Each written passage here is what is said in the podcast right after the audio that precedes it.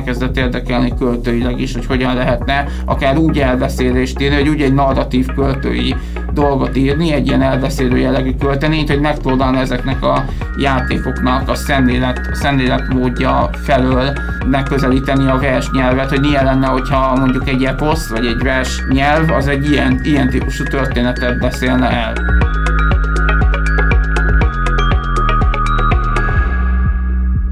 Kultúrában az idő és a szabadság a legfontosabb értékek közé tartoznak. 2021-ben a Mastercard a könyves magazinnal együttműködve indította el az Alkotótárs ösztöndíj programját, amely a szabad alkotás lehetőségét hivatott biztosítani a pályakezdő írók számára. A podcast sorozatunkban az idei győztesekkel, Kerber Balázsal és Zilahi Annával beszélgetek irodalomról, olvasmányélményekről, alkotásról és példaképekről. Ott Anna vagyok, a sorozat szerkesztő műsorvezetője. Sziasztok, ez itt a Mastercard Alkotótárs Ösztöndíj podcast sorozata. A mai vendégem Kerber Balázs. Hello Balázs! Szia! Sziasztok! A mai beszélgetésünk tétje, hogy egy kicsit jobban megismerjünk téged, és az első kérdésem az az lenne, hogy, hogy vissza tudsz emlékezni arra a pontra az életedben, egyáltalán egy pont volt-e, vagy egy, inkább egy hosszabb folyamat, amikor rájöttél, hogy oké, okay, akkor ez az írás, ez neked fontos, és valószínűleg így a, a jövődet alakítani fogja, vagy hogy ebbe igenis kell energiát és erőt ö, rakni, mert ez fontos szenvedélyed. Hát tulajdonképpen így az írás az nagyon, nagyon régóta érdekel tulajdonképpen, meg így mindig is tulajdonképpen nagyon sokszor így része volt a, a, az életemnek, de hogy az, hogy mit szeretnék írni, vagy hogy egyáltalán ez mennyire lesz tényleg egy ilyen olyan dolog, amit úgy tényleg rendszeresen meg úgy szeretnék csinálni, az, az azért viszonylag később alakult ki. Tehát az, hogy tényleg a verseket írok, az igazából a gimnáziumban kezdődött el, és akkor vált ez nyilvánvalóvá, hogy nekem igazából ez áll a legközelebb hozzám, és ezután nagyon hamar el is kezdtem szenináriumokra járni, és ezzel így komolyabban foglalkozni, de hogy ez tényleg egy ilyen elég hirtelen, hirtelen robbanás volt olyan értelemben az életemben, hogy előtte én nagyon sokáig prózát is szerettem volna írni, vagy úgy ilyen kaland történeteket, ugye volt egy általános iskolában egy barátommal, írtunk is közösen egy ilyen egy regényt, egy ilyen, egy ilyen regény, egy ilyen kalandregény, de ami így igazából így a műfajnak, vagy a fantazinak a paródiája is volt, de Homepot Sedestien nevű barátommal, és, és, és aztán utána viszont nagyon sokáig nem igazán ö, ö, ö, tudtanék, hogy ezzel itt szeretnék kezdeni, úgy általában az írással, és, és, és aztán valahogy úgy nagyon később van ugye a költészettel való foglalkozás, a költészeti érdeklődésem, az valahogy elkezdett így arra lökni, hogy úgy elkezdtem magam is ö, verseket írni, és, és, és ez tűnt valahogy nagyon hirtelen annak a formának, ami úgy, ami úgy igazán, igazán közel áll hozzám, és aztán így a szemináriumokra való járás, a Kukorelli Endrével, illetve Marnó Jánossal való megismerkedésem, a jaktáborok, ezek mind olyan dolgok voltak, amikor folyamatosan így afelé nyomtak, vagy afelé indítottak el, hogy, hogy így ezt, ezt csináljam, vagy ez, ez legyen az egyik ilyen fő érdeklődési területen. Azért vissza szeretnék térni ehhez a, a regényhez, amit a barátoddal írtál, mert ez 2005-ben meg is jelent, és azt mondod, hogy általános iskolás voltál ekkor. Szóval, hogy azért ez engem nagyon-nagyon elkezdett foglalkoztatni, hogy hát egyrészt két általános iskolás srácnak hogy jut eszébe megírni egy történetet, és amikor megírja, akkor hogy jut el ez, ez a történet odáig, hogy ki is adják, és itt most egy kicsit arra gondolok, hogy nekem az a, az a, a, a, a megoldásom erre a kérdésre, hogy valami nagyon erősen támogató közeg volt körülöttetek, gondolok itt mondjuk a családotokra, akik ezt így hajtották, hogy csináljátok, srácok, inkább ezzel töltsétek a szabadidőt, és segítünk titeket ahhoz, hogy kiadják ezt. Vagy hogy ez hogy történt? Azért nem sok általános iskolás mondhatja magáról, hogy a haverjával megjelentetett egy kalandregényt. Hát igen, igen, igen, igazából ez a, a megjelenésnek, hogy a magánkiadásban megjelent, ez már egy a gimnázium legelején volt, de a, a regény az, az, az egy általános, tehát az általános iskolában tényleg az egész szöveg szinte ilyen általános iskolában keletkezett, és hát így az volt nagyon érdekes, de nagy igazából persze támogató voltak közeg, tehát hogy mind a kettőnknek így a családja örült, hogy ezt csináltuk, meg persze, de hogy ez igazából nem kellett minket annyira, ö, ö, hogy mondjam, annyira lögdösni arra, hogy ezt, hogy ezt befejezzük, vagy hogy ezzel tényleg akkor ö, kezdjünk valamit, mert úgy valahogy ez nagyon beindult egy idő után, és úgy, úgy, úgy tényleg úgy magától elkezd, elkezdett úgy működni, hogy akkor ezt közösen ö, csináltuk, közösen írtuk, közösen találtuk ki ezeket a szeretlőket, és igazából ez, ez valahogy úgy, úgy nagyon, egy nagyon intenzívé vált ez a dolog, tehát olyan, olyan nem is tudok nagyon visszaemlékezni, hogy igazából úgy, úgy valakinek ezt úgy mondani kellett volna, hogy hát azért azért most már nem tudom, azért ha már elkezdtük, akkor, akkor fejezzük azért be. Hogy voltak ilyen nagyobb szünetek, azt hiszem, de hogy mégiscsak az, az volt, hogy, hogy ezt azért így be akartuk fejezni, nem meg akartuk csinálni, de az biztos, hogy, ez egy, hogy volt egy olyan értelemben támogató közeg, hogy ezt azért senki nem, nem mondta nekünk a családban se, meg máshol se, hogy hát azért figyeljetek ez, ezzel, most nem, nem annyira kéne itt foglalkozni, mert helyette így inkább többet kéne, nem tudom, a dolgozatokra készülni, és most ezt így nem aktuális, tehát hogy ilyen, ilyen hangokkal így tényleg nem, nem találkoztunk. Tehát ebből a szempontból tényleg egy támogató közeg volt. Azért azt is lehet most már tudni, minél több ilyen interjú elkészül, és Annával is beszélgettem már, hogy nincs írás-olvasás nélkül, és hogy nagyon kíváncsi vagyok, hogy az olvasás az mikor került így bele a te életedbe, be, bekerült-e egyáltalán, fontos volt-e már fiatalon is, és így kik voltak azok, akik a te kezedbe mondjuk könyvet adtak, és ez már hogyan alakult át, szóval ma hol van a helye az olvasásnak egy aktív alkotói életben? Hát én így elég sokféle dolgot szerettem eleve olvasni. Hát így először otthon kezdtem el olvasni, és így a, egyébként úgy, ami legelőször így egy ilyen nagy élmény volt nekem, hogy egy ilyen, a költészetben egy ilyen, ilyen belépés valahol, az nagyon sokszor a nyugat generációnak voltak a versei, tehát hogy én így, hogy a nyugat ennek az egész nyugat folyóirat világának, tehát ugye az Adi Endre például egy olyan költő volt, aki, aki nekem egy nagyon, de, de egy, egy, egy, elég korán is úgy gondoltam, hogy ő így nagyon sok verse úgy eléggé elindított abban, hogy ilyen irodalom, meg hogy a versek felé, azért tá, versek felé tájékozódjak, és, és például ez egy ilyen lökés volt, ugyanakkor nekem mindig ö, volt egy ilyen érdeklődésen ilyen más ö, kultúrák, távoli kultúrák felé, és nagyon szerettem például ilyen ö, kínai, klasszikus kínai irodalmat, középkori perzsa irodalmat olvasni, tehát voltak olyan, olyan költők, egyébként kínai költők, mint a Litajó, Tufu, vagy például a perzsa költészetből, ugye Omar, Omar Khayyam, Hafiz versei, amiket így gimnáziumban nagyon sokat olvastam, és ezek, ezek egy ilyen nagyon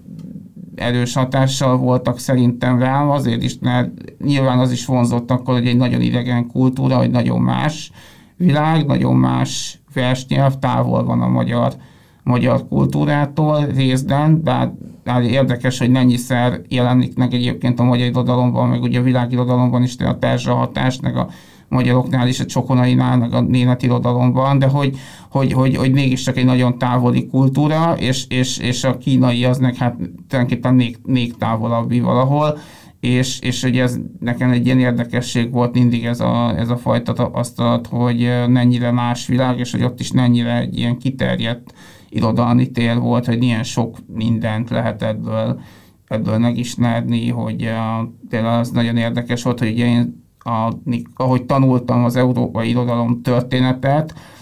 a gimnáziumban, hogy milyen érdekes volt közben látni, hogy a távol-keleti világ egy irodalom az mennyire máshogy alakult, hogy ott milyen régen is csináltak például olyan dolgokat, amiket az európai irodalomban tulajdonképpen csak sokkal később, vagy olyan szemléletmódok, amik az európai irodalomban máskor alakultak ki, és hogy ez, ez, ez is önmagában nagyon érdekes volt, és, és szerencse, hogy tulajdonképpen magyarul elég sok fordítás, és elég izgalmas fordítás van ezekből a, ezekből a szövegekből. Tehát ugye Vörös Sándor is nagyon sokat fordított kínai verseket, a Képes Gézának vannak terzsavers fordításai, a, tehát, hogy egy nagyon, tehát, hogy nagyon, egy nagyon, a magyar fordítókat is amiatt nagyon érdekelte ez a világ, és, és, és hát ez, ezeknek akkor egy nagy nyelvi élmény volt, és, és ez úgy gondolom, hogy így a versekkel való foglalkozásomra ez eléggé intenzíven hatott akkor, amellett, hogy később nagyon sok mindent persze a kortárs magyar irodalomban érdekelt, és hogy ezek, ezek hogy így együtt, akkor így a gimnázium végén ez így egy ilyen össz valami dolog volt, ami úgy sok felé indított el egyszerre. Azt, azt említetted az elején, hogy, hogy a prózával kapcsolódtál be igazából így az irodalomba, de hogy elég hamar a, a költészet átvette így a hatalmat, vagy nem is tudom, hogy fontosabb lett. és, és nagyon kíváncsi vagyok, hogy mi az, amit a vers tudom, és a, és a próza nem neked. Szóval, hogy így általánosan tudjuk, hogy mi a különbség a két műfaj között, de hogy, vagy hogy mikor melyiket választjuk, hogyha olvasni szeretnénk, mondjuk.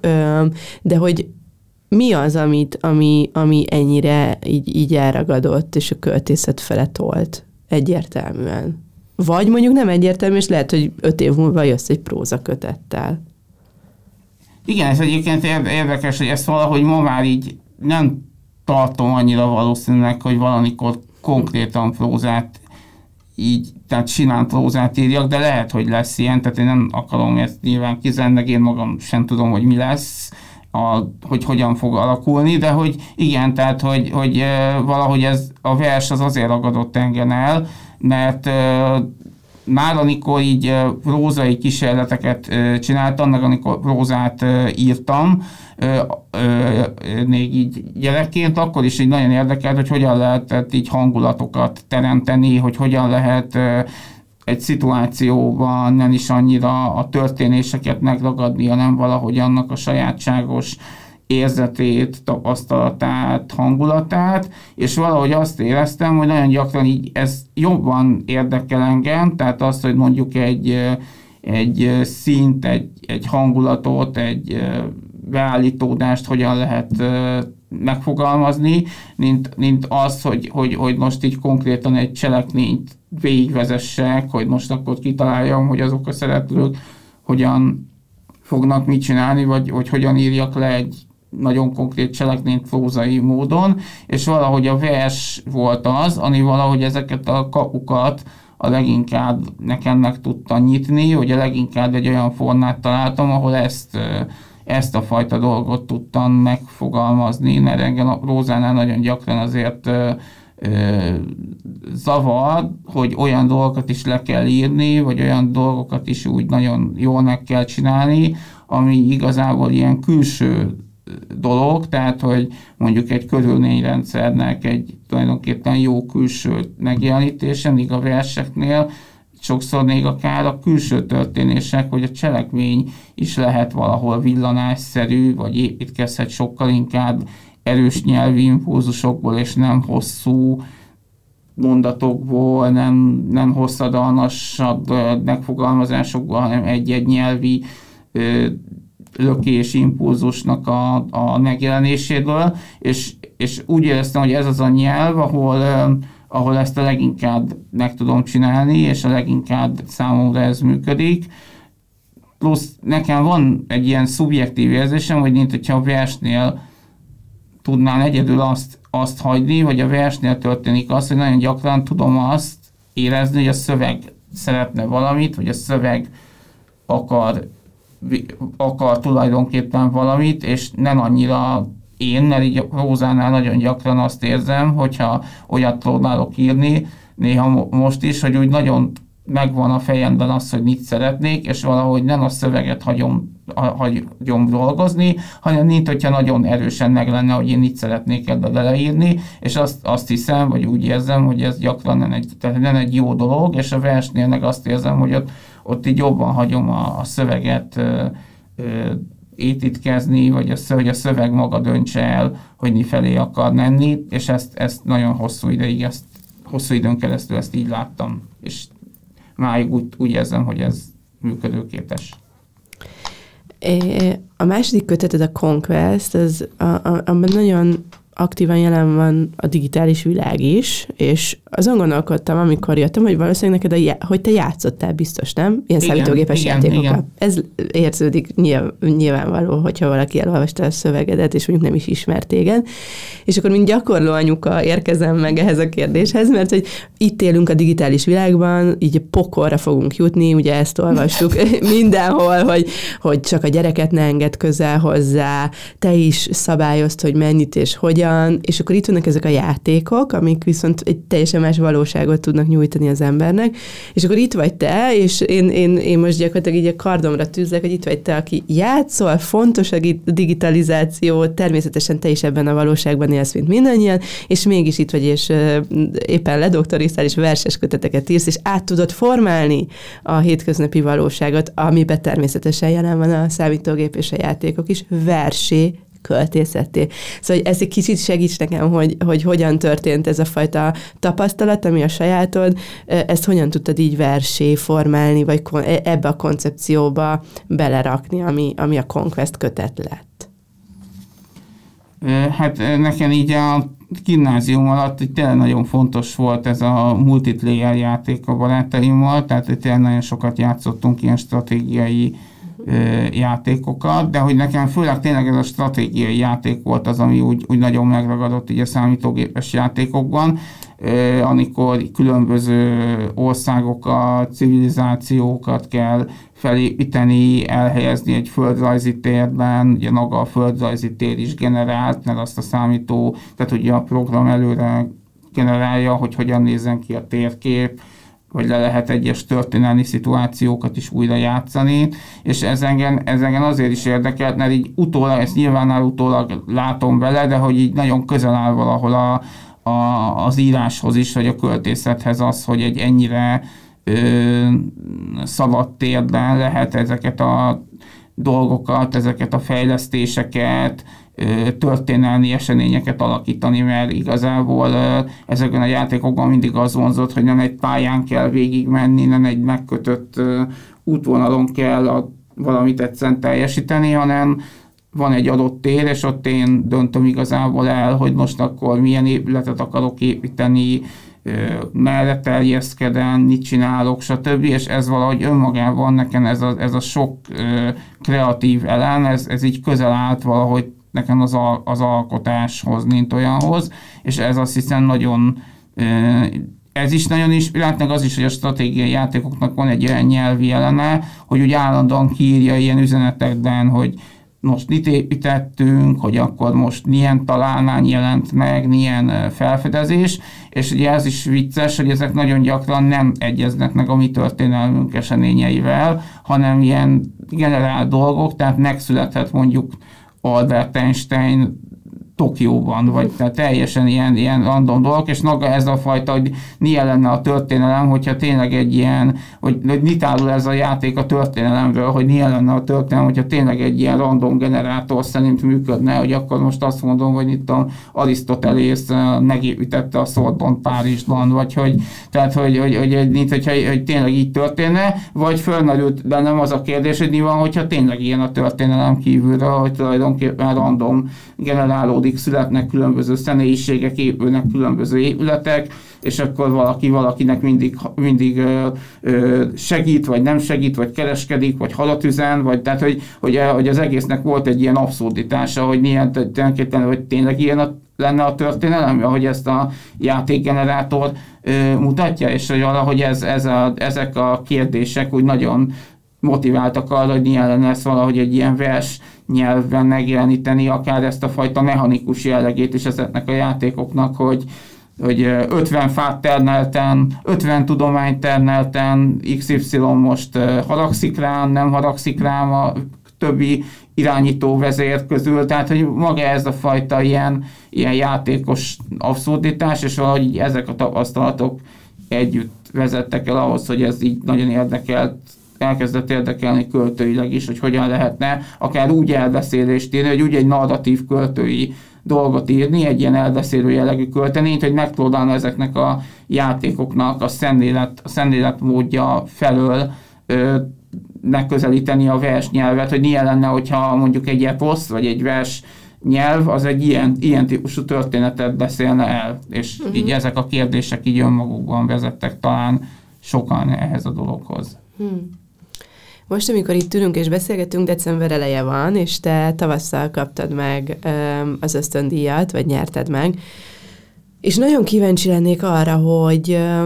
egyrészt szerintem ez egy nagyon fontos visszajelzés, hogy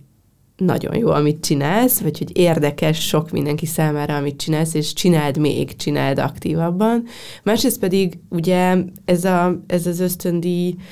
ez sok pénzzel jár például, nem titkolt célja az, hogy mondjuk nemet tudjál mondani olyan munkákra, amik, amik a, az alkotástól veszik el a, a, az időt.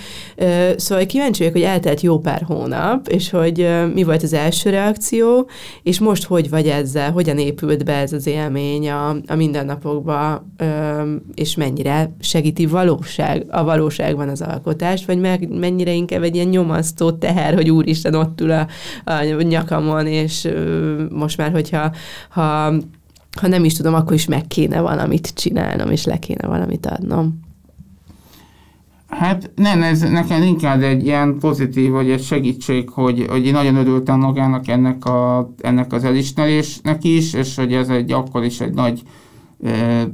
öröm volt nekem, bár, bár, bár tényleg egy ilyen, egy ilyen sok is, hogy nagyon tehát, hogy úgy, úgy elég hihetetlen, vagy olyan nagyon erős, erős érzés volt, amikor ez így megtörtént, hogy tényleg úgy, úgy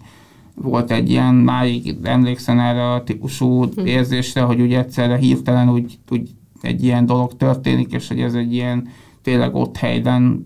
derül ki, és hogy ez mennyire, mennyire egy, hm. egy izgalmas e, dolog. És